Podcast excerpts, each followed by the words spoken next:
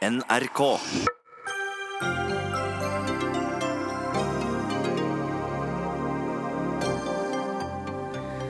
Regjeringen åpner for gruvedrift i reindriftsområder. Sametingspresidenten møter næringsministeren, og det varsles om rasling i lenker i Dagsnytt 18. Hvorfor står det norske demokratiet så spesielt sterkt i møte med antidemokratiske strømninger? Ny bok om demokratiets fiender, fra Arbeiderpartiet til dagens islamister. Norge trenger verden mer enn verden trenger Norger, sier sentralbanksjefen i årets viktigste finanstale. Finansfiffen gleder seg til middagen på Grand Hotell, mens vi snakker med Trygve Hegnar. Og enstemmig høyesterett ga Norge rett i kampen om snøkrabben. Dommen er politisk og en skandale, mener advokat.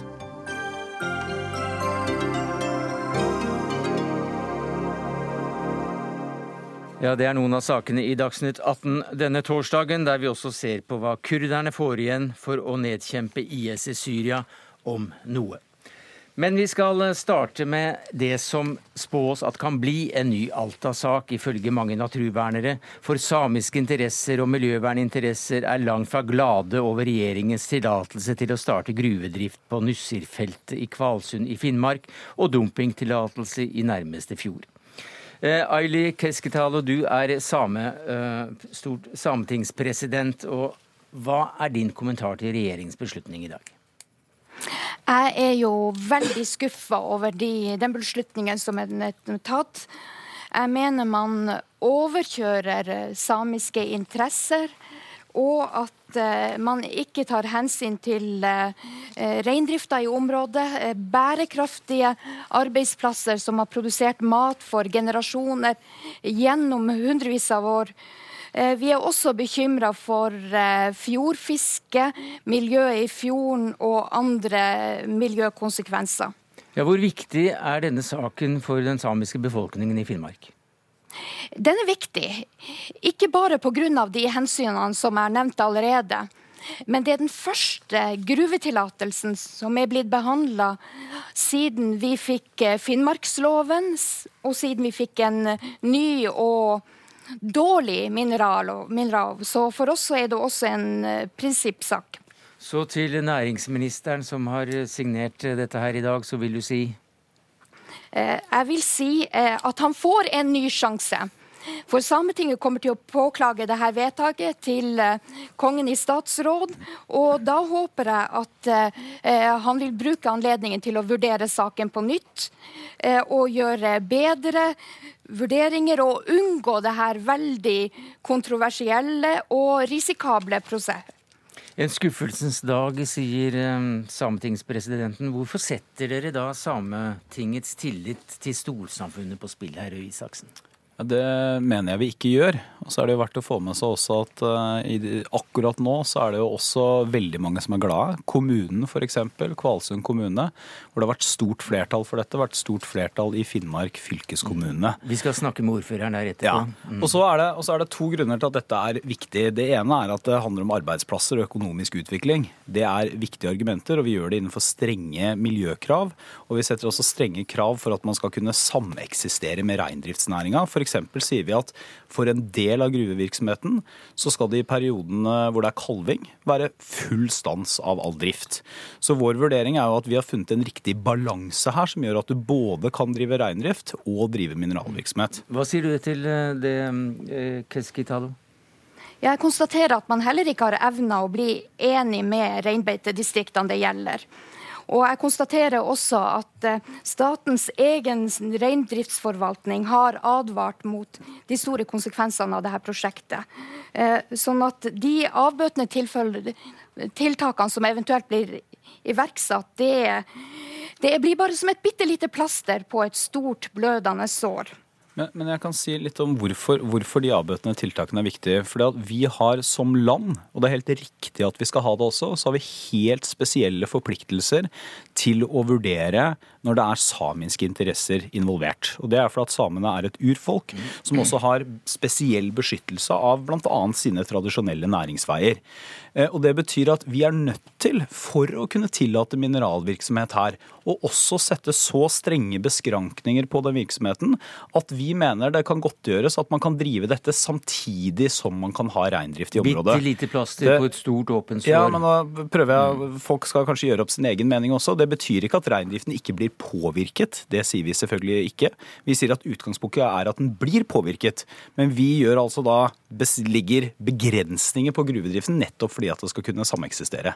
Og så håper jeg å kunne komme tilbake til andre viktige grunner til at denne mineralvirksomheten er så, uh, er så viktig. Blant annet at dette er jo mineralene som vi trenger mm. i det grønne skiftet. Det er kobber er en av mineralene vi trenger for å kunne bygge kablene vi skal elektrifisere med, for å kunne få flere elbiler, for å kunne videreutvikle nettopp noen av de miljøteknologiordningene og produktene Men som er så viktige. Men akkurat nå så tar vi også sametingspresidentens ord et lite plaster på et stort sår. Hvordan forholder du deg til den kritikken?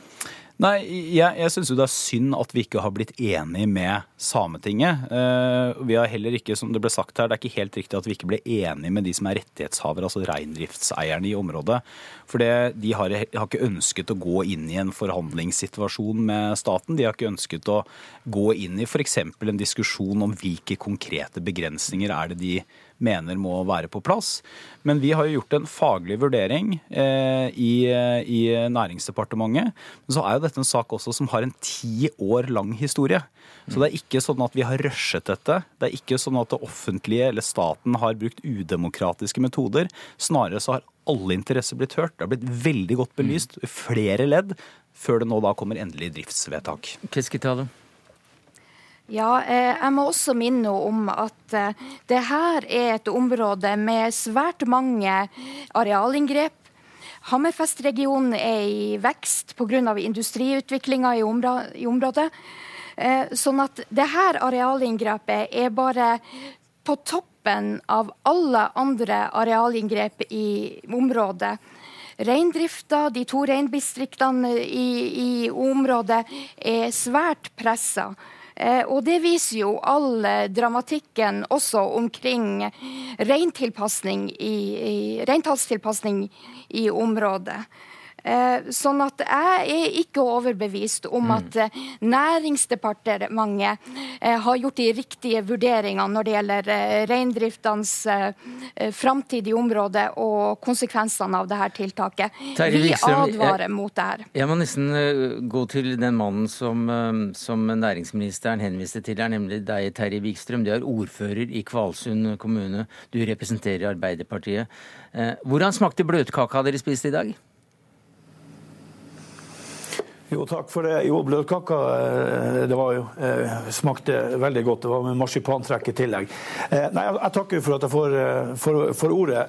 Og Vi er naturlig nok i Kvalsund svært fornøyd med den beslutninga som, som, endelig er kommet. Ja, hvorfor det? Mye er sagt i debatten allerede. Fordi at, eh, først og fremst fordi at det har lokal, eh, lokal eh, demokratisk vedtak tilbake i 2012 om at vi er positive til eh, denne etableringa. Eh, så for meg som ordfører så handler det om å følge opp de vedtakene. Og det er klart at jeg er fornøyd med, med en beslutning som er i tråd med det vedtaket vi jo, gjorde i 2012. Jo, det, det er et vedtak, men hvorfor er det så viktig? Det handler om eh, og Røe Isaksen var inne, inne, på det. Eh, det er alltid sånn i konsekvensutredning at du vurderer eh, forholdene opp mot hverandre. Vi har ønska næringsvekst i, i, vår kommune velkommen. Og, og, det er jo den vesentligste faktoren her. En annen faktor som, er, som Røe Isaksen også var inne på, som jeg støtter fullt ut, det vi snakker om det grønne skiftet. Og kobber er helt essensielt for å lykkes i, den, i, i det skiftet. Ja, her hører vi altså som sametingspresident eh, Aili Keskitalo, så setter du deg opp mot fremtiden, nemlig at kopper er viktig for, en, for et grønt skifte? Jeg vil jo si det sånn at det man driver med i dette prosjektet, det er grønnsminkning. Man forsøker å selge det inn som et miljøtiltak, og det er på grensen til eh, ja, latterlig, eh, for å si det rett ut. Eh, når det gjelder behovet for kobber i verden, så må jeg vise til at eh, kobberprisen nå er lavere enn den har vært tidligere. Og det er jo et tegn på at etterspørselen den har vært synkende over over tid. Og jeg tror også at eh, vi for framtida må tenke mer sirkulær økonomi når det gjelder uh, våre behov for, uh, for metaller. Mm. Jeg tror ikke vi kan fortsette å utvinne i den takten som er blitt gjort over tid, eh, hvis man eh, skal ta hensyn til det globale miljøet. Mm. Kari eh, Elisabeth, jeg, jeg må nesten til... unnskyld at jeg avbryter deg, men vi har en i studio som har sittet musestille til nå, og det er kanskje ikke så, så ofte at vi opplever deg, Kari Elisabeth Kaski, stortingsrepresentant. For du er stadig på banen når det gjelder slike ting, og, og som, som SV-representant. Hva vil SV gjøre i denne sammenhengen? SV kommer til å fremme forslag på tirsdag når det er stortingsmøte om at denne saken må tas til Stortinget, eh, og at vi må få opp beslutninger der. Og jeg tror det er på tide å, å trekke inn hvor enormt store naturverdier som, som det er snakk om her. Eh, Repparfjorden er en nasjonal laksefjord, har store fiskeriressurser, store og rike forekomster av sjøpattedyr. Havforskerne går imot det prosjektet her og at man skal dumpe gruveavfall i den fjorden, fordi det er snakk om så enorme masser med gruveavfall som inneholder kjemikalier, som inneholder tungmetaller, og som kommer til å utradere alt liv i deponiområdet. Så vi er jo kjempebekymra for de langsiktige konsekvensene som det her kommer til å få for laksen, for torsken, for sjøpattedyrene og for sjøfuglene som er i det området her. Eh, ja, det, det, er viktig å si, eh, Selv om dette kompliserer saken litt, så er det viktig å si at selve utslippstillatelsen den er ikke blitt gitt av Næringsdepartementet i dag. Den ble gitt av eh, Miljødirektoratet i 2016, og så ble det befestet av Klima- og miljødepartementet den gang. Skylder du på andre her nå? Nei, men det, det, er rett og slett bare for å forstå saksgangen. Mm. Så det er sånn at den, den ligger til grunn, og der ble det jo også vurdert nettopp de miljømessige konsekvensene. Og så er det selvfølgelig helt riktig at en gruvedrift eller mineraldrift, selv om dette er inne i fjellet, for å si det litt enkelt, og ikke, ikke, oppe over bakken, så er jo ikke det i seg selv et miljøtiltak. Det forstår alle. Det har klare og tydelige miljøkonsekvenser lokalt. Det er klart at det å ha et deponi, enten det er på land eller det er i sjøen, også har miljøkonsekvenser. Men så må vi da ha så strenge regler som mulig for det. Fordi at produktet vi får ut, nemlig mineralet, det har en åpenbar miljøside ved seg. Dette er helt åpenbart ikke så strenge regler som mulig. Og det er nå i dag regjeringa har tatt stilling til saken. Det er derfor reaksjonene er så sterke. Det var ikke noe Miljødirektoratet ga utslippstillatelse i dag. Regjeringa har tatt en beslutning. Det er derfor vi ber regjeringa om å stanse de planene. Eh, regjeringa angrer i etterkant av Alta-saken. Jeg frykter vi kommer til å angre stort på denne beslutninga også. Og det er viktig å være klar over at det er ytterst få land i verden som tillater sjødeponi. Vi stiller oss i eh, liga med Tyrkia, med Indonesia, med kanskje Chile, eh, Papua Ny-Guinea. Alle andre land, store gruvenasjoner, sier men, nei til å dumpe gruveavfall i fjordene. Men, men det, er også, det, er også, sånn at en viktig grunn til det er fordi at mange andre land har helt annen type geografi og Eh, altså, De har ikke vår naturlige geografi med nettopp gruver, fjell, den kombinasjonen. Men så er det sånn at miljøkravene som ble vurdert i 2016, er, de er strenge. De er strengere også selvfølgelig enn det veldig mange andre land, de fleste land sannsynligvis i verden, ville hatt. Hvis du ser på kobber som da bl.a. brukes til elbiler har tre ganger så mye kobber som en vanlig bil. Eh, en av de største produsentene av kobber i verden er Kongo.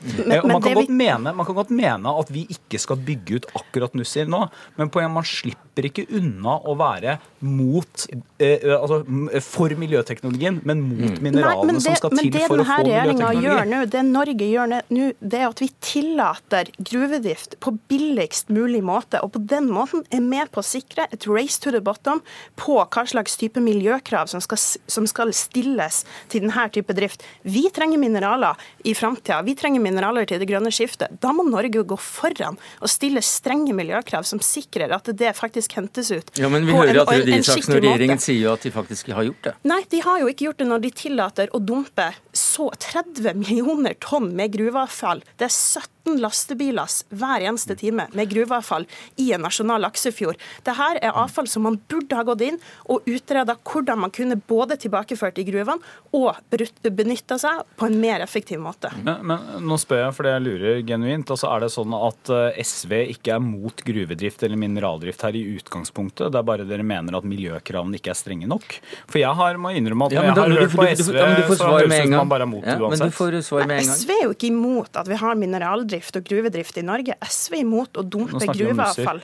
Ja, og SV er imot å dumpe det gruveavfallet i Repparfjorden. Og vi er sterkt bekymra for at man ikke engang har gått ordentlig inn og sett på hvordan man kunne unngått det. Det har ikke ligget som et grunnlag i de planene, og det kravet burde vært stilt. Men det er ingen grunn til å tro at ikke Miljødirektoratets vurdering i 2016, eh, som var grundig, nøye, faglig, har, har eh, på, eh, med utgangspunkt i den faglige kunnskapen vi har, har stilt de strengeste miljøkravene. Men det er helt riktig at vi tillater et eh, deponi i sjøen Uh, og at vi har det istedenfor ja. et landdeponi. Og, og akkurat det deponiet, det sa uh, Trine Skei Grande i 2015-16 at uh, den kampen skal vi aldri, aldri, aldri gi oss på.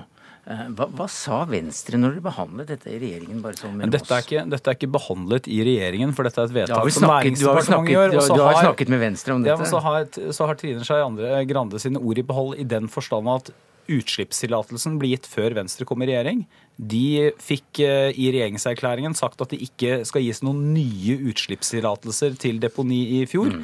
Men de som allerede er gitt, de, de, skal vi da fortsette prosessen med. men hva sier du til kombinasjonen miljøvernere og samiske interesser, at de står mot deg i Finnmark. Jeg vet ikke om du er gammel nok til å huske tilbake til siste skjedde? Jeg er nok ikke gammel nok til å huske Alta-aksjonen, men enhver som har et visst snev av historisk eh, sans, vet at Alta-aksjonen er en av de største, viktigste og mest betydningsfulle aksjonene i norsk historie. Kan vi få en gjentagelse med dette? Jeg mener det er helt åpenbart at det er det som er i ferd med å skje her. Både alvoret, som det er snakk om her, at det går utover reindrifta, en næring som har vært der i tusenvis av år. Det går utover naturverdiene som finnes der. og når du ser det store engasjementet som denne mm. saken har skapt i dag, så er det ingen tvil om at det er Alta-dimensjoner over den saken. Så nå kjøper du inn lenker og, og godt med sitteunderlag? Jeg eh, skjønner veldig godt de som har satser på aksjons, aksjonistlister i dag, og jeg kommer til å være med og koke kaffe og, og sørge for at de får, eh, får, ha det varmt og godt der oppe. Kan jeg si en ting? Det er, ja, det fullt, det er selvfølgelig fullt lov å både være uenig og demonstrere, ja, men dette har jo også en demokratisk side. Mm. Og det kan altså ikke være sånn at de som følger de demokratiske spillereglene, åpne prosesser, mm. alle vanlige regler vi har for saker, at de skal bli eh, nedstemt eller bli forbigått fordi det er noen andre som aksjonerer. Så det å følge spillereglene. Det med sivil ulydighet det kommer vi sikkert tilbake til eh, i så fall. Det kan bli kjempeinteressant. Det var det i hvert fall på 70- og 80-tallet. Takk skal du ha, Kari Elisabeth Kaski, stortingsrepresentant for SV. Torbjørn Røe Isaksen, næringsminister for Høyre. Terje Wikstrøm, ordfører for Arbeiderpartiet. Og Ailo Keskitalo, sametingspresident for NSR. Dagsnytt 18 alle hverdager kl 18.00 på NRK P2 og NRK2.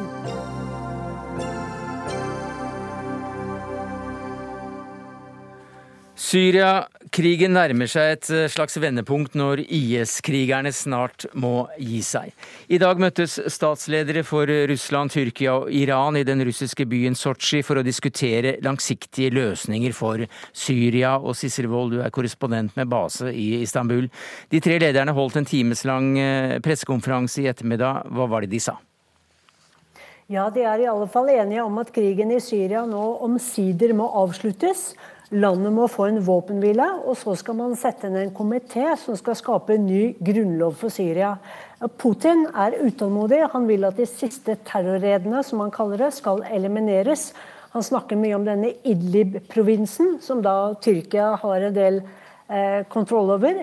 Ehm, men hvem som er terrorister, er jo Iran og Russland og Tyrkia litt mer uenige om. Men disse tre er jo to mot én. Fordi at Irans president Rouhani og Russlands president Putin er jo på vinnersiden. De støttet president Bashar al-Assad, som fremdeles sitter. Mens president Erdogan er jo på tapersiden fordi han støttet opprørerne, opprørerne og forsøkte å, å styrte Assad.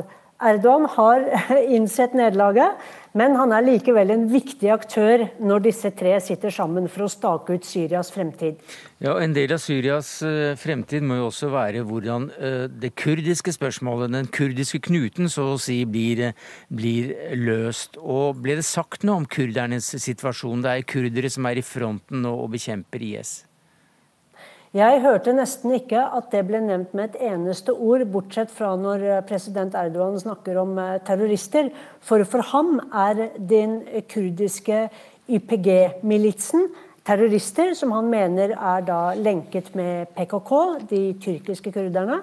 Og det er nettopp dem han vil ha bort fra eh, grenseområdet til Tyrkia. Så for Erdogan er det aller viktigste å få en sikkerhetssone langs grensen, men det var Russland og Iran ikke helt enig med ham i. De sier at da må du snakke med president Bashar al-Assad. Takk skal du ha, Sissel Wold i eh, Istanbul. For mens vi da sitter her, så kjemper altså kurdiske militsgrupper med ved Abu Kamal og, og Bagush i Syria. De kjemper med USAs støtte. De kjemper mot jihadistene i IS. Og de er gode til å slåss og kommer til å seire, ifølge alt fra Putin og, og eh, Donald Trump til norske forskere. Men hva får kurderne igjen for det? Det regnes som verdens største folkegruppe uten stat. Og får de nå en stat når krigen i Syria etter hvert blir over? Shalakave, du er førsteamanuensis ved historie ved Høgskolen i Volda. Ja, Det er et uh, godt spørsmål, og det er veldig usikker hva situasjonen blir. Det er jo sånn at Man kan nesten si at uansett om kurderne legger seg på vinnersida eller tapersida, så taper de. Eh, det har vi i hvert fall sett at de har gjort i Syria. Eh, så den, eh, den, kampen og innsatsen de har lagt inn mot IS, har, er veldig usikkert kommer til å lønne seg eller ikke for kurderne. Ja, hvorfor det?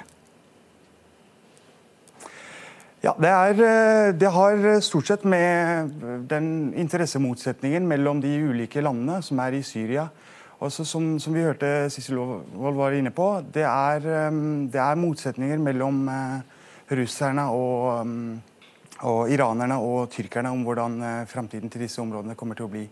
Men hvorfor er kurderne, som også er så mange, kanskje 20, kanskje 35 millioner, det er jo ingen som, som teller akkurat på den måten, eh, hvorfor får ikke de sin egen stat? De har drevet med dette i, eh, i hvert fall i over 100 år. Ja, Altså, over 30 millioner kan vi jo eh, operere med. Ehm, det kan hovedsakelig besvares med at ehm, de statene hvor det bor kurdere, altså Iran, Tyrkia, Syria og, Irak, der eh, er, ehm, har myndighetene, eh, ja, helt siden første verdenskrig egentlig, undertrykt og, og assimilert kurderne. Og har, har, dette med kurdiske spørsmålet som et akilleshæl.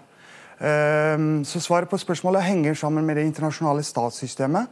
Eh, og det faktum at ingen av de statene det her er snakk om, er demokratier. For eksempel, Hadde disse statene fulgt eh, grunnleggende demokratiske rettigheter, så ville jo kurderne hatt politisk eh, frihet til å, til, å, til å, nå sine interesser. da. Ja, for De var jo på nippen til å få sine interesser igjennom for, for snart 100 år siden. med noen slags garantier fra den gang eh, president eh, Wilson i Folkeforbundet etc.? Ja, det stemmer. Det, men det, de planene ble det ikke noe av. og øh, I ettertid så ser vi jo ikke sant, at øh, i øh, Tyrkia og Iran så fortsetter jo situasjonen litt sånn som før. og Det etableres jo attpåtil nye stater som Irak og Syria, som vi jo ser fruktene av i dag.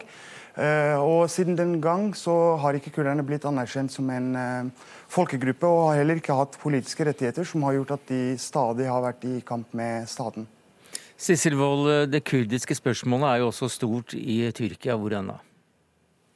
Absolutt. Og det Erdogan frykter mest, er jo at syrerkurderne skal ønske å skape sin egen autonome stat langs grensen til Tyrkia, slik som irakiske kurdere har gjort med stort hell i Nord-Irak. Eh, dette er eh, viktig for Erdogan. Han er veldig redd for at eh, disse tankene om å få mer autonomt styre også skal spre seg fra Nord-Syria og Nord-Irak over til Tyrkia. Men en annen grunn til at Erdogan er veldig opptatt av å ha safe zones i Nord-Syria, er at Eh, Tyrkia har mellom tre og fire millioner syriske flyktninger. Og nå mener Erdogan at eh, gjestfriheten egentlig er over, og han har begynt å sende dem hjem. Og da må han sende dem hjem til et sted der hvor de kan være. Så Kaveh, hva tror du kommer til å skje med det kurdiske spørsmålene nå etter at krigen i Syria er over? Jeg mener det er, det er jo en de facto-stat i dag. De driver med oljeutvinning og, og har et slags parlament og, og, og egne valg. Ja, det, altså, det, det, har du rett i. Eh, problemet er bare at eh, skal du være og heve deg som, som en eh, stat, så må du også kunne forsvare deg mot eksterne farer og trusler. Og Det er jo det kurderne i Syria sliter litt med hvis eh, Tyrkia gjør alvor av trusselen om å invadere. Um, men foreløpig så er det to, to modeller. Den ene modellen som kurderne går for, er jo en sånn føderal, løst, løst modell. Mens eh, Bashar al-Assad og Damaskus eh, går inn for en mer sentralisert eh, stat. Og Det er der forhandlingen kommer til å ligge mellom kurderne og Damaskus, hvis USA skulle trekke seg ut. Men USA har jo da støttet kurderne, og i hvert fall de, de kurdiske elitesoldatene, eller de som har, har, kjempet så hardt mot IS i Syria. Har de en belønning i bakhånd? Nei, Det tror jeg ikke, men det er klart at belønningen eh, ligger jo også i eh, materielle goder. Og så ser vi på situasjonen i Afrin, hvor, eh, hvor Tyrkia invaderte eh, for et år siden eller, eller lengre. Så var jo situasjonen den at eh, det, det, området Afrin var isolert fra resten av eh, Syria. Situasjonen er ikke det samme i øst for Eufrat, som Tyrkia truer med å invadere. Fordi der har kurderne relativt moderne våpen og mannskap Eh, til å kunne sette, eh, sette i, i, i motmæle. Da. så det er klart at um, situasjonen i øst for Euf Eufrat kommer ikke til å være uh, like enkelt for uh, Tyrkia som de uh, fremhever. Mm, og kort til slutt, Kurderne er vel også splittet? Veldig. Og det er, det er, klart at det som skjer i Syria, har jo også forgreininger inn i Irak og Tyrkia. Så det er klart at problemet er komplekst. Takk skal du ha, Shalak Kaveh, førsteamanuensis ved Høgskolen i Volda, og til deg, Sissel Wold i Istanbul.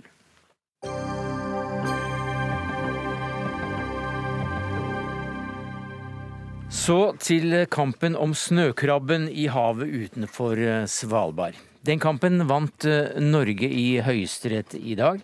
Det var den latviske båten Senator som ble tatt for et par år siden med finfin fangst og en EU-lisens, men det hjalp altså ikke Arild Moe, du er seniorforsker ved Fridtjof Nansens institutt. Hvorfor er denne dommen i dag så viktig? Den er viktig fordi den eh, stadfester eh, Norges rett til å regulere i dette tilfellet snøkrabbefiske i områdene utenfor Svalbard. I henhold til norske forskrifter. Ja, Hva var det som sto på spill? Vel, eh, denne fiskebåten fra Latvia og dens eh, advokater hevdet jo at eh, Norge ikke hadde rett til å stoppe denne fangsten fordi de fisket med en lisens de hadde fått via EU. Men retten slår jo fast at det er norske myndigheter som ensidig fastsetter reglene her, og i og med at denne båten ikke hadde fått tillatelse fra Norge, så kunne den altså arresteres og bøtelegges.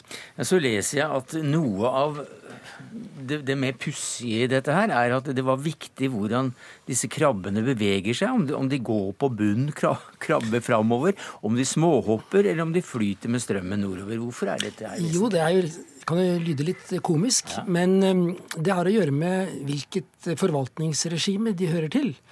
Er det en fisk, så hører de til forvaltningsregimet for fiskeriene. Og det er et sett eh, av regler.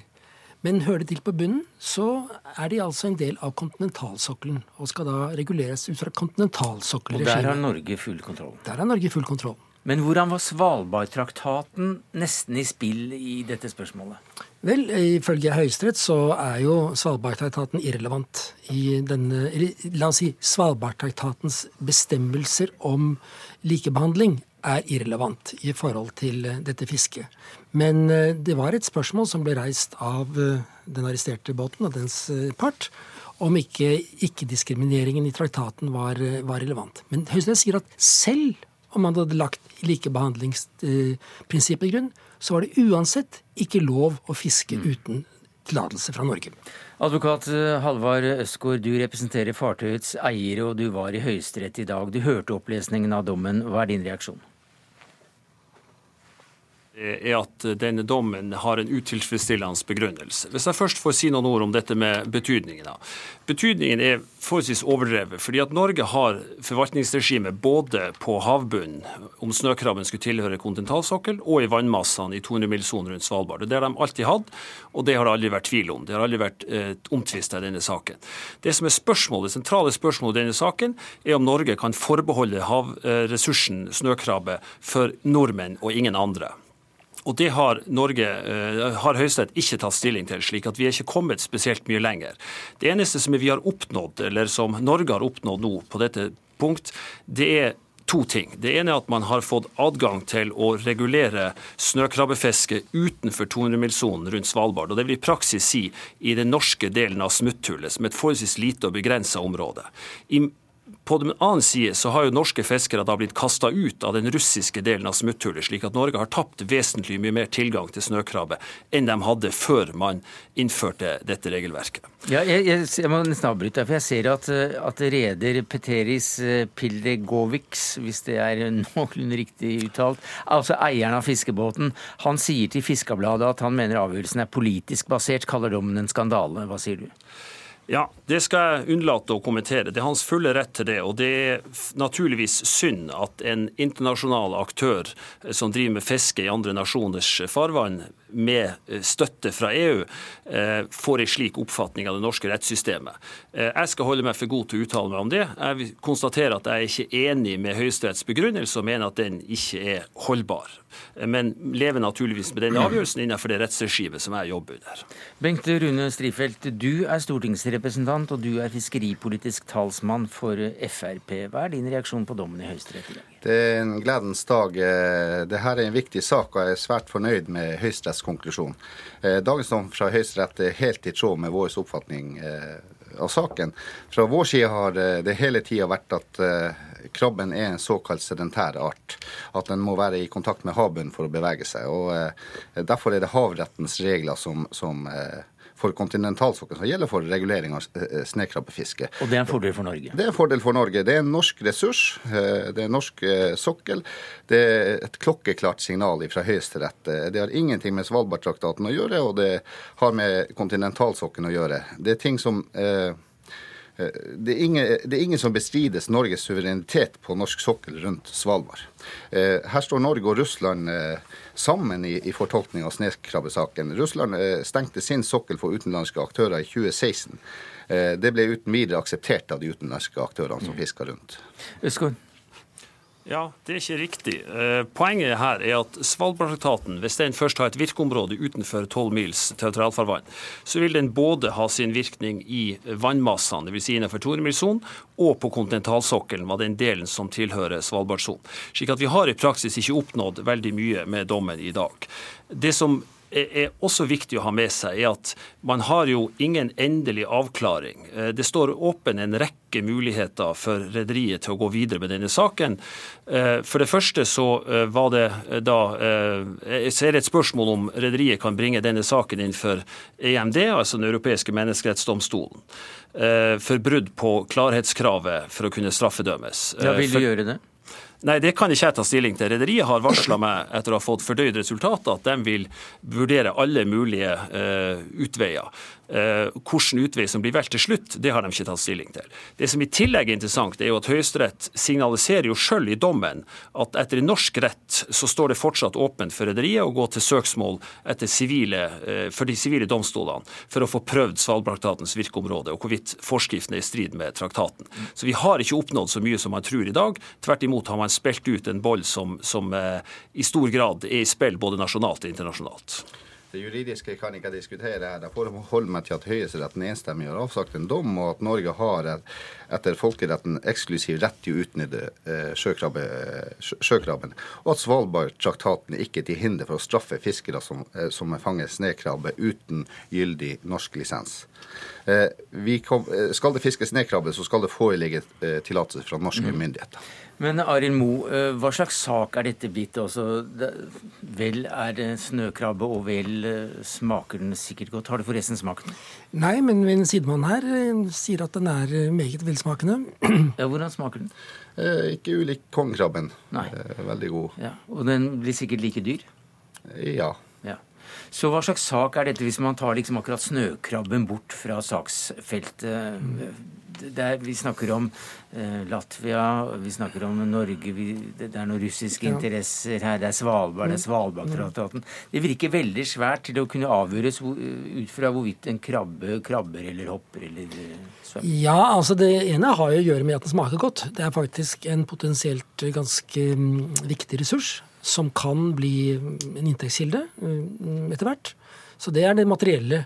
Men mm, det politisk litt pikante her er jo at uh, denne fiskebåten fisket med lisens utsett via EU. Og mange har jo da spurt seg om dette har vært et si, koordinert eller villet angrep fra EUs side på norsk forvaltning i sonen. Ja, hva tror du? Vel, vi har eh, kolleger som arbeidet en del med det og faktisk studert det nøye og bl.a. gjennomført mye intervjuer i Brussel. Og vi finner ikke at det er, riktig. Altså Denne saken har vært en fiskerisak som kom opp fra interesserte parter, særlig i Latvia, til dels Polen, som har kjørt den via EU-systemet. Og for så vidt har kommet da opp til det nivå hvor hvor de, hvor de utstedte lisens. Men det var ikke en, si, en utenrikspolitisk eh, handling i utgangspunktet fra, eh, fra EU. Men nå har jo saken rullet ball på seg, og det er klart at den har fått et oppmerksomhet, og det er flere som har hengt seg på. Så det er ikke blitt noe lettere å, å, å løse den diplomatiske siden av saken nå enn det hadde vært la oss si, for to-tre år siden. Men uh, som vi hørte, så kan man altså få nye rettssaker i kjølvannet av dette. og Hva kan avgjøres der? Det som kan tenkes å skje, og som vel ligger litt i det som står i høyesterettsdommen, er at uh, de kan søke Eh, altså om å få tillatelse eh, neste gang. Søke norske myndigheter om å få tillatelse til å fiske, eller rett og slett dispensasjon fra det generelle fangstforbudet som egentlig gjelder.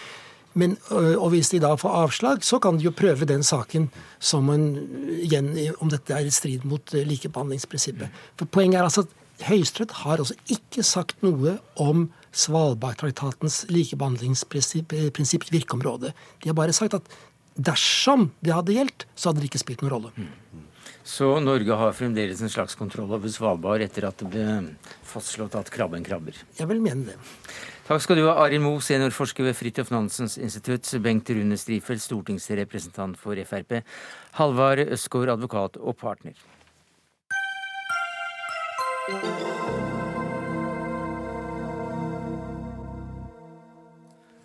Ja, hva er nå får vi nye gjester inn i studio. Det er kø på bakrommet her. Men uh, du har satt deg ned. Øystein Sørensen, professor ved Universitetet i Oslo, velkommen. Takk. Hva er det mest påfallende trekket ved det norske demokratiet? Nei, det norske demokratiet de siste 100 årene har vært uh, i det store og hele veldig gode til å håndtere problemer med politisk ekstremisme. Det mest påfallende trekket ved det norske demokratiet er hvor stor motstandskraft det har hatt i møte med antidemokratiske strømninger, står det bak på denne boka som du og Nick Brandal har gitt ut, 'Det norske demokratiet og dets fiender'. Eh, hvorfor i all verden har det hatt det? Hvorfor? Det har hatt så stor motstandskraft mot disse bevegelsene? Mm, ja, det har jo Altså, det er nok en komplisert forklaring med mange faktorer. Men en viktig faktor er helt åpenbart det vi kan kalle en norsk politisk kultur i tradisjonen fra 1814.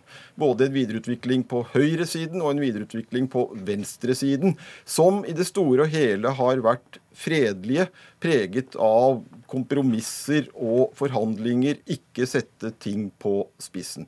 Dette har bidratt til en fleksibel holdning til uh, trusler og mulige trusler fra politiske ekstremister. Og også de aller fleste politiske ekstremistbevegelsene selv har vært preget av denne kulturen. En viss laidback eh, toleranse? Ja, når det gjelder uh, ekstremistbevegelser som ikke har vært voldelige, og det er de aller fleste av dem uh, vi snakker om da, ja, så har demokratiet vært tolerant. Eh, I denne boka så tar dere et sveip over bevegelse som har eller har hatt da uttalt, en uttalt ambisjon om å erstatte det norske demokratiet. Og dere nærmest starter med da Arbeiderpartiet, og det vil nok ja. overraske en og annen. Ja, men eh, for 100 år siden var Det norske Arbeiderpartiet et erklært revolusjonært klassekampparti som eh, ønsket å erstatte det politiske demokratiet med proletariatets diktatur. Og det var ikke noen liten trussel, det, mot det eksisterende norske demokratiet i 1919, for 100 år siden. Det kan jeg love deg. I stortingsvalget i november 1918 så fikk uh, dette revolusjonære klassekamppartiet 31,6% av stemmene. Og vi må tro at uh, tilhengerne av den bestående politiske orden i Norge da, de begynte å bli ganske svette. Men det skjedde ikke de, de, store, avgjørende eh, tingene, slik det har gjort i land som vi egentlig kan sammenligne oss med? Nei, mange andre steder i Europa var det jo da revolusjonære omveltninger, og enkelte steder var det blodige revolusjonære borgerkriger. Men noe sånt eh, fikk vi ikke i Norge. Nei, for uh, Dere skriver at de antidemokratiske bevegelsene har forblitt marginale fenomener, eller de har vært kortvarige blaff? Ja, når vi ser på Arbeiderpartiet, så var jo det ikke noe marginalt fenomen. Og i hvert fall ikke et kortvarig blaff? Mm, nei, det var det enda mindre, kan man kanskje si. Men uh, poenget der er at uh, Arbeiderpartiet, som en bred bevegelse, la av seg sine revolusjonære fakter mm. etter hvert. Og de Die Hard, Moskva-kommunistiske revolusjonære, de splittet seg ut og ble marginalisert. Så var det en del småbevegelser, og så kom eh, da NS før, eh, før krigen og, og mm. under krigen. Hvordan forholdt de seg til eh, den norske politiske kulturen? Ja, På 1930-tallet så var jo NS en fascistlignende, om man vil, fascistisk politisk bevegelse. Men eh, de var heller ikke spesielt voldelige av seg. De var ikke engang spesielt uttalt revolusjonære av seg, sammenlignet med mange andre fascistbevegelser i Europa i mellomkrigstiden. Noe helt annet ble det naturligvis etter den tyske invasjonen i 1940, da NS eh, ble eh, satt på makten i Norge, og fikk lov til å forsøke å gjennomføre en nasjonalsosialistisk revolusjon. Husk på at NS er det eneste partiet i norsk historie som virkelig har forsøkt å gjøre revolusjon i Norge. Ja vel. Eh, hva med AKP, da? De forsøkte ikke Nei, så hardt, kanskje? AKP, det du tenker på da, er dette maoistpartiet på 70-tallet eh, særlig. Som ja, de var selvfølgelig revolusjonære, men de kom aldri i nærheten av å forsøke å gjennomføre sine revolusjonære eh, doktriner. Og AKP syns jeg er et godt eksempel på et uh, parti som føyer seg inn i norsk politisk kultur. Uansett hvor rabiate de var i verbal forstand, så ble de aldri voldelige, de heller. Og det dere skriver, det er noe sånn som at uh, etter hvert så tar da uh, disse partiene, disse bevegelsene, går inn i de mer legitime politiske kanalene, og, og for, som noen sier, at det blir jo skikkelig folk av de utroligste bevegelser. Men det, det, dere da bruker en del tid på, det er å forklare dette litt ut ifra den norske kulturen og troen på Grunnloven, og bruke 1814 som symboler etc.? Ja, Poenget der er vel at uh, de aller fleste ekstremistbevegelsene vi snakker om, da, de, de, disse 100 årene, de har forsøkt å legitimere seg med at uh, de er de rette arvtakerne av, og de som har videreutviklet uh, de grunnleggende ideene fra 1814. Mm. Både til høyre og til venstre. Men så kommer det et skille her med, med Breivik og islamistene, som dere ikke slår i hardkorn med hverandre, men som dere behandler uh, ut ifra litt den samme tankegangen.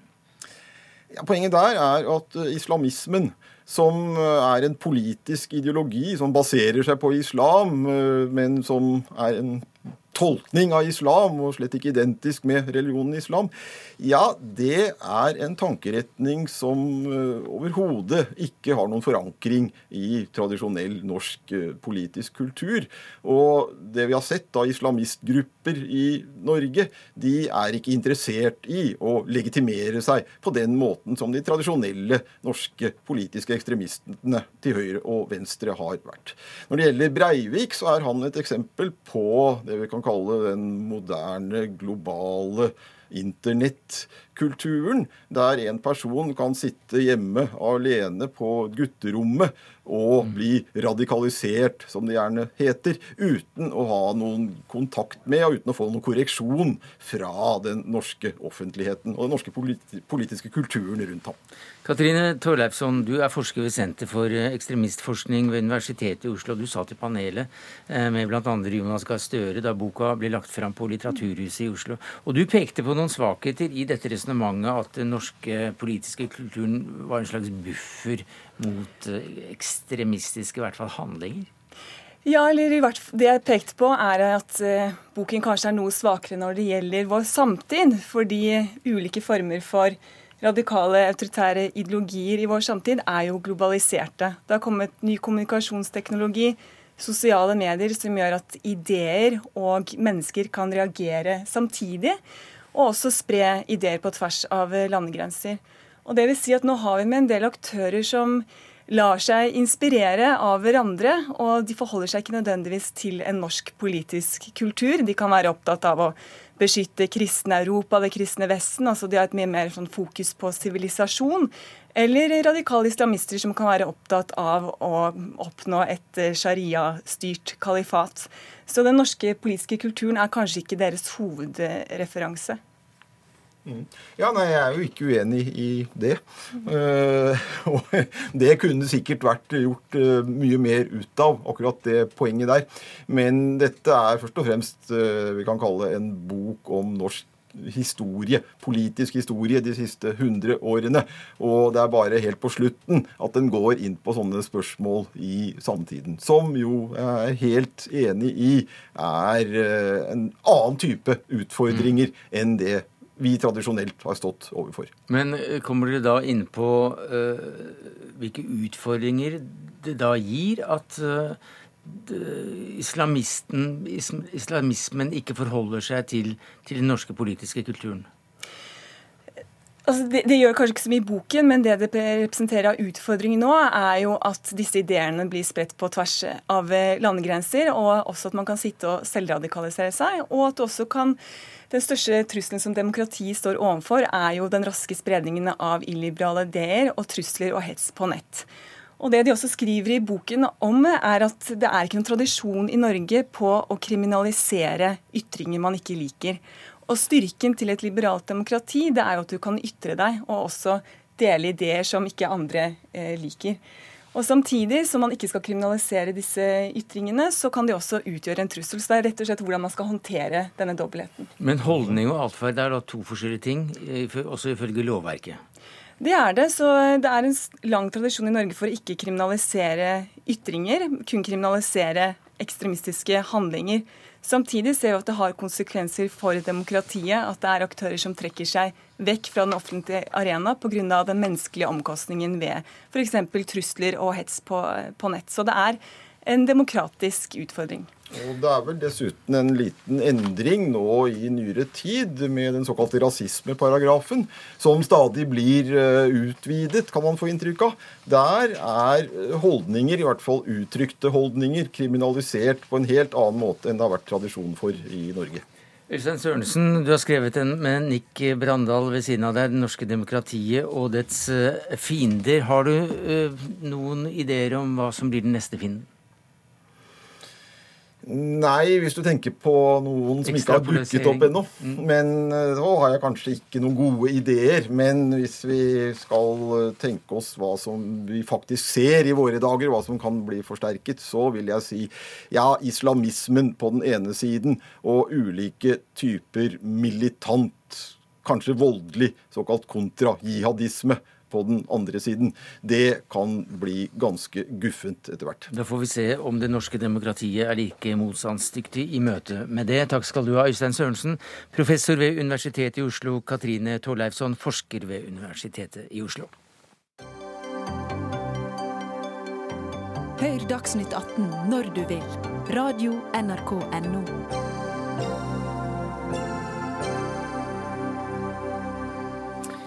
Ja, akkurat nå sitter 300 av eh, landets mektigste menn og kvinner musestille i Norges Banks store sal og hører på årstalen til sentralbanksjefen.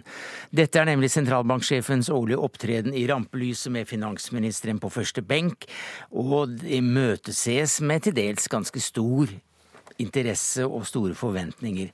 Eh, jeg vet ikke om talen er over nå, ja, at dere har sluppet ut. Eh, hva slags budskap eh, kom sentralbanksjefen med i dag, Cecilie Langum Bekku, du er økonomikommentator her i NRK?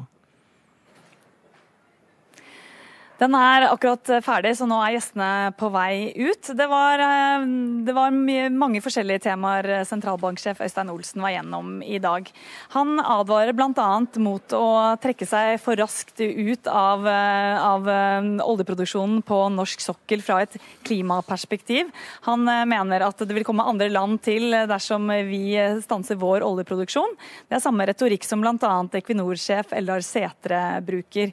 Og så advarte han også sterkt mot å gjøre noen ting med EØS-avtalen. Eh, spesielt sett i lys av det geopolitiske klimaet vi er i nå, og minnet oss alle om at eh, Norge er mer avhengig av verden enn verden er av eh, Norge. Og Så kom han med også et lite spark mot kryptovaluta, og kalte det for en uegnet måte å betale på. Trygve Hegnar, du er sjef og eier av Hegnar Media. Du har fulgt disse talene og vært til stede mer enn 20 ganger. Hva syns du om dagens tale? Jeg må jo innrømme at jeg syns den var ganske kjedelig. da. Det hørtes ut som en god forelesning om internasjonal handel og globalisering. Mm -hmm. Så jeg, altså, det, det, er kanskje nyttig for at ledende, led, led, ledende, politikere og næringslivsfolk de har kanskje godt av en gang i år å sitte og høre på en forelesning om helt banal, enkel internasjonal økonomi. Så, det, så, så litt kjedelig, men det er kanskje bra. Og så er det én liten overraskelse, det må jeg si det var. Og det var, det var, ikke ett ord om handlingsregelen og bruk av offentlige penger og bruk av penger fra oljefondet. Og det var overraskende, fordi nå er det så hett om den debatten at man skulle jo tro at Øystein Olsen også ville nærme seg den, men han har tenkt vel som så at den vil jeg ikke ta del i. Men hvorfor vil ikke en eh, sentralbanksjef ta del i en slik debatt? Fordi den er blitt veldig politisert. Eh, det er liksom blitt av opposisjonen mot regjeringen. og Hvis man er, sitter, har med makt i Norge og sitter og bruker penger, så blir man, altså blir man da beskyldt for å være uansvarlig. Eh, og Hvis man da er eh, i opposisjon, så mener man at det man bruker er selvfølgelig helt nøyaktig og riktig og i tråd med handlingsreglene og i tråd med de reglene man har vedtatt, hvilket det også er. slik at Det er en sånn merkelig politisk debatt, og den har da sentralbanksjefen tenkt at det skal jeg ikke delta i. Nei, for Vi snakker jo da om det å ta penger til fregatt og regjeringsbygget ut av et budsjett. Eh, vinteren kommer, var sentralbanksjefens værvarsel i 2016. Hvor i årets gang mener han vi er i dag, Cecilie Langenbecker? Nei, Det er jo sentralbanksjefens jobb å være, å være litt bekymret. Um, men så, så, vil jeg bare legge til det at sentralbanksjefen han har jo faktisk vært ute i VG nå i kveld og kritisert uh, denne, denne, denne pengebruken som er under streken. Uh, han, det var et intervju som uh, har nå kommet i løpet av denne sendingen her. Og Da sier han jo at han, når han gjør sine beregninger av norsk økonomi, så kommer han til å regne inn disse pengene som blir brukt under streken. Eh, han eh, sier at han eh, ikke syns noe særlig om det, så han kommer med Han er ganske sånn det er ikke noe tvil om at han syns at dette er en dårlig idé. Og dette kommer også til å få konsekvenser for den måten han vil sette renten på fremover. Det, det er jo det han indirekte sier. Ja, Hvilke signaler kom han med Han kunne si det til VG. Ja, vær så god, Hegnar. Hva, unnskyld? Vær så god, bare fortsett. Ja, han turte jo ikke si det her under foredrag. Han turte ikke si da det at det man, den såkalte bruk av penger under streken, det er det ingen økonomer i, i Norge som er for. Uh, og det er regjeringen som har tenkt seg at man kanskje skulle være litt smart med et lite bokføringstriks. Men det kommer aldri til å bli noe av. for Nå kaller de det en utredning og en forsøk og en tanke. og Det vil ikke bli noe av. for Det er, helt, det er, det er dumt å bruke det. og Dessuten så trenger man ikke Man kan bruke pengene av den, de pengene man allerede har innenfor 3 %-målet, om da realavkastningen fra oljefondet, og det holder lenge. slik at de har begynt å betale fregatter og hus i, høyhus i sentrum av da en oljefond under streken. Det er det ingen, ingen, som ønsker, egentlig. Så at han har sagt det, er en liten overraskelse. Men øh, kanskje han måtte si det som alle andre økonomer, at det er ikke bra. Men hvilke signaler fikk da finansfolk, og ikke minst eh, finansministeren, med seg? Var det noen signaler som de tar med seg videre, eller, eller var dette her kun et rituale? Ja, Stort sett så syns jeg det var et ritual, men han kom med en bitte liten uh, henvisning til da, rentebanen. hvor Han sa det at liksom, hvis økonomien utvikler seg sånn, sånn som man kan se det nå, så vil det bli en liten renteøkning i løpet av året. Det er det veldig mange som ikke tror på etter hvert, men han måtte iallfall si det. Trygve Hegnar, hvor mange sentralbanksjefer har du opplevd fra salen her? jeg, jeg, jeg har fire-fem stykker i hvert fall. Ja. Ingen, ingen av de er veldig morsomme. Den første var? Jeg lurer på min første var Skånland, jeg. Ja. Det var han som bygget Norges Bank og kostet 4 milliarder kroner eller noe sånt. Hvordan uh... Så har det kommet på rekke og rad etter hvert. Ja. Er de blitt bedre eller mer kjedelige etter hvert? Ja, jeg syns stort sett at det har vært like kjedelig alle sammen. Og, og, det har blitt verre nå. Det, liksom, det tar, tar, tar, veldig høyde for at alt skal være helt korrekt. Og det er ingen spennende, ingen spennende utfordringer. Og, og, det er heller ikke, ingen overraskelse når det gjelder tall og faktum. og Det er ganske viktig økonomi å vite faktum. Det som kommer frem, har de fleste sett før. Derfor kalte jeg det en, en forelesning, og det var mer en økonomiforelesning. Det tror jeg også du tenker deg. Jo, men det, han snakket jo også om klima. Ja, klima, Det måtte han jo si noe om. Hadde ikke sagt om det, så hadde han blitt sparket. Så, så, han måtte si noe om klima. og Det han sa, var ikke noe nytt. Han sa, han sa jo det at, det at, vi må få en pris på, på CO2-utslippene, og at man får et system for det i Europa. Og det har vi, og det er veldig viktig for Norge. Men hadde han ikke sagt noe om klima nå, det er ingen, ingen, altså det er ingen som ikke tør si noe om det nå, hvis man deltar i en offentlig debatt. Men finansminister Siv Jensen eh, satt altså på første rad, og alle, alle var der. Eh, Cecilie Langum Becker. Hva, hva slags fenomen er denne årlige talen? Det er jo en veldig sånn tradisjonsrik tale, og det er jo den ene muligheten sentralbanksjefen har i løpet av et år til å virkelig løfte de problemstillingene uh, han er opptatt av, som går i det skjæringspunktet mellom eh, økonomi og politikk. Så, uh, men Det kommer veldig lite konkret ut av dette her vanligvis, men vi har jo sett eksempler på at, at det i hvert fall er noe som har vært startet i denne talen. Blant annet så ble debatten om størrelsen på på handlingsregelen. Det, det ble tatt opp her at den skulle bli kuttet fra 4 til 3% og det skjedde jo da også en, en god stund etterpå. Så det var en debatt som ble løftet som, eh, som, som ble veldig viktig. Kan jeg bare En kort kommentar. at Sentralbanksjefen er også ganske søt, for han slutter alltid av talen med 'alltid uansett'. Hvert eneste år er det to siste, setning, to siste årene i setningen.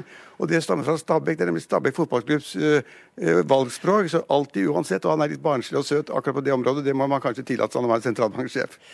Men, uh, alltid uansett. Men alltid uansett så er jo du der, Trygve Hegnar. Hvorfor er du det når det både er kjedelig og forholdsvis meningsløst å sitte der og høre på han? Nei, Nei, fordi jeg syns det er viktig å se hva folk sier. og er, Så er det en ganske viktig seanse etterpå da, under middagen, hvor man treffer masse folk som man normalt ikke hadde adgang til å treffe. Det er ledende næringslivsfolk og det er ledende politikere som man da omgås. og, og Jeg har hilst på mange av dem allerede. og Vi utveksler tanker og litt fleip med hverandre og litt stikk til hverandre osv. Det, det har pressen godt av å få, og så har jeg godt av å lytte til de andre. Det er masse å lære under, under og etter middagen. Så det er litt sett, uh, bli sett og se også? Ja, nei, ja. nei jeg satt, satt jeg holdt av plass til Petter Stordalen, så han kom inn. og han, han, hadde ikke kommet inn hvis han ikke hadde hatt en plass ved siden av meg, tenker jeg. Nei, det. Men, men du, eh, det, vanlige, det vanlige spørsmålet som hadde det, hadde det. Ja, vær så god. Ja, han, satt, nei, ja, ja, han, hadde selvfølgelig glemt det der kortet vi trenger for å komme inn. Altså, han, han, er rimelig velkjent med sitt, eh, sitt oppseende og sitt, sine klær. Sine klær. Han, ble, han, ble, gjenkjent ved inngangen i sperren. Erik Bye hadde problemer med å komme inn i NRK et par ganger, så ikke vær for sikker. Men eh, disse, disse middagene de er jo også litt sagnomsuste. og det, det, er en av de store invitasjonene ved siden av hagefesten, Fafo-festen og vel eh, NHO-festen eller, eller, middagen og, og de dagene.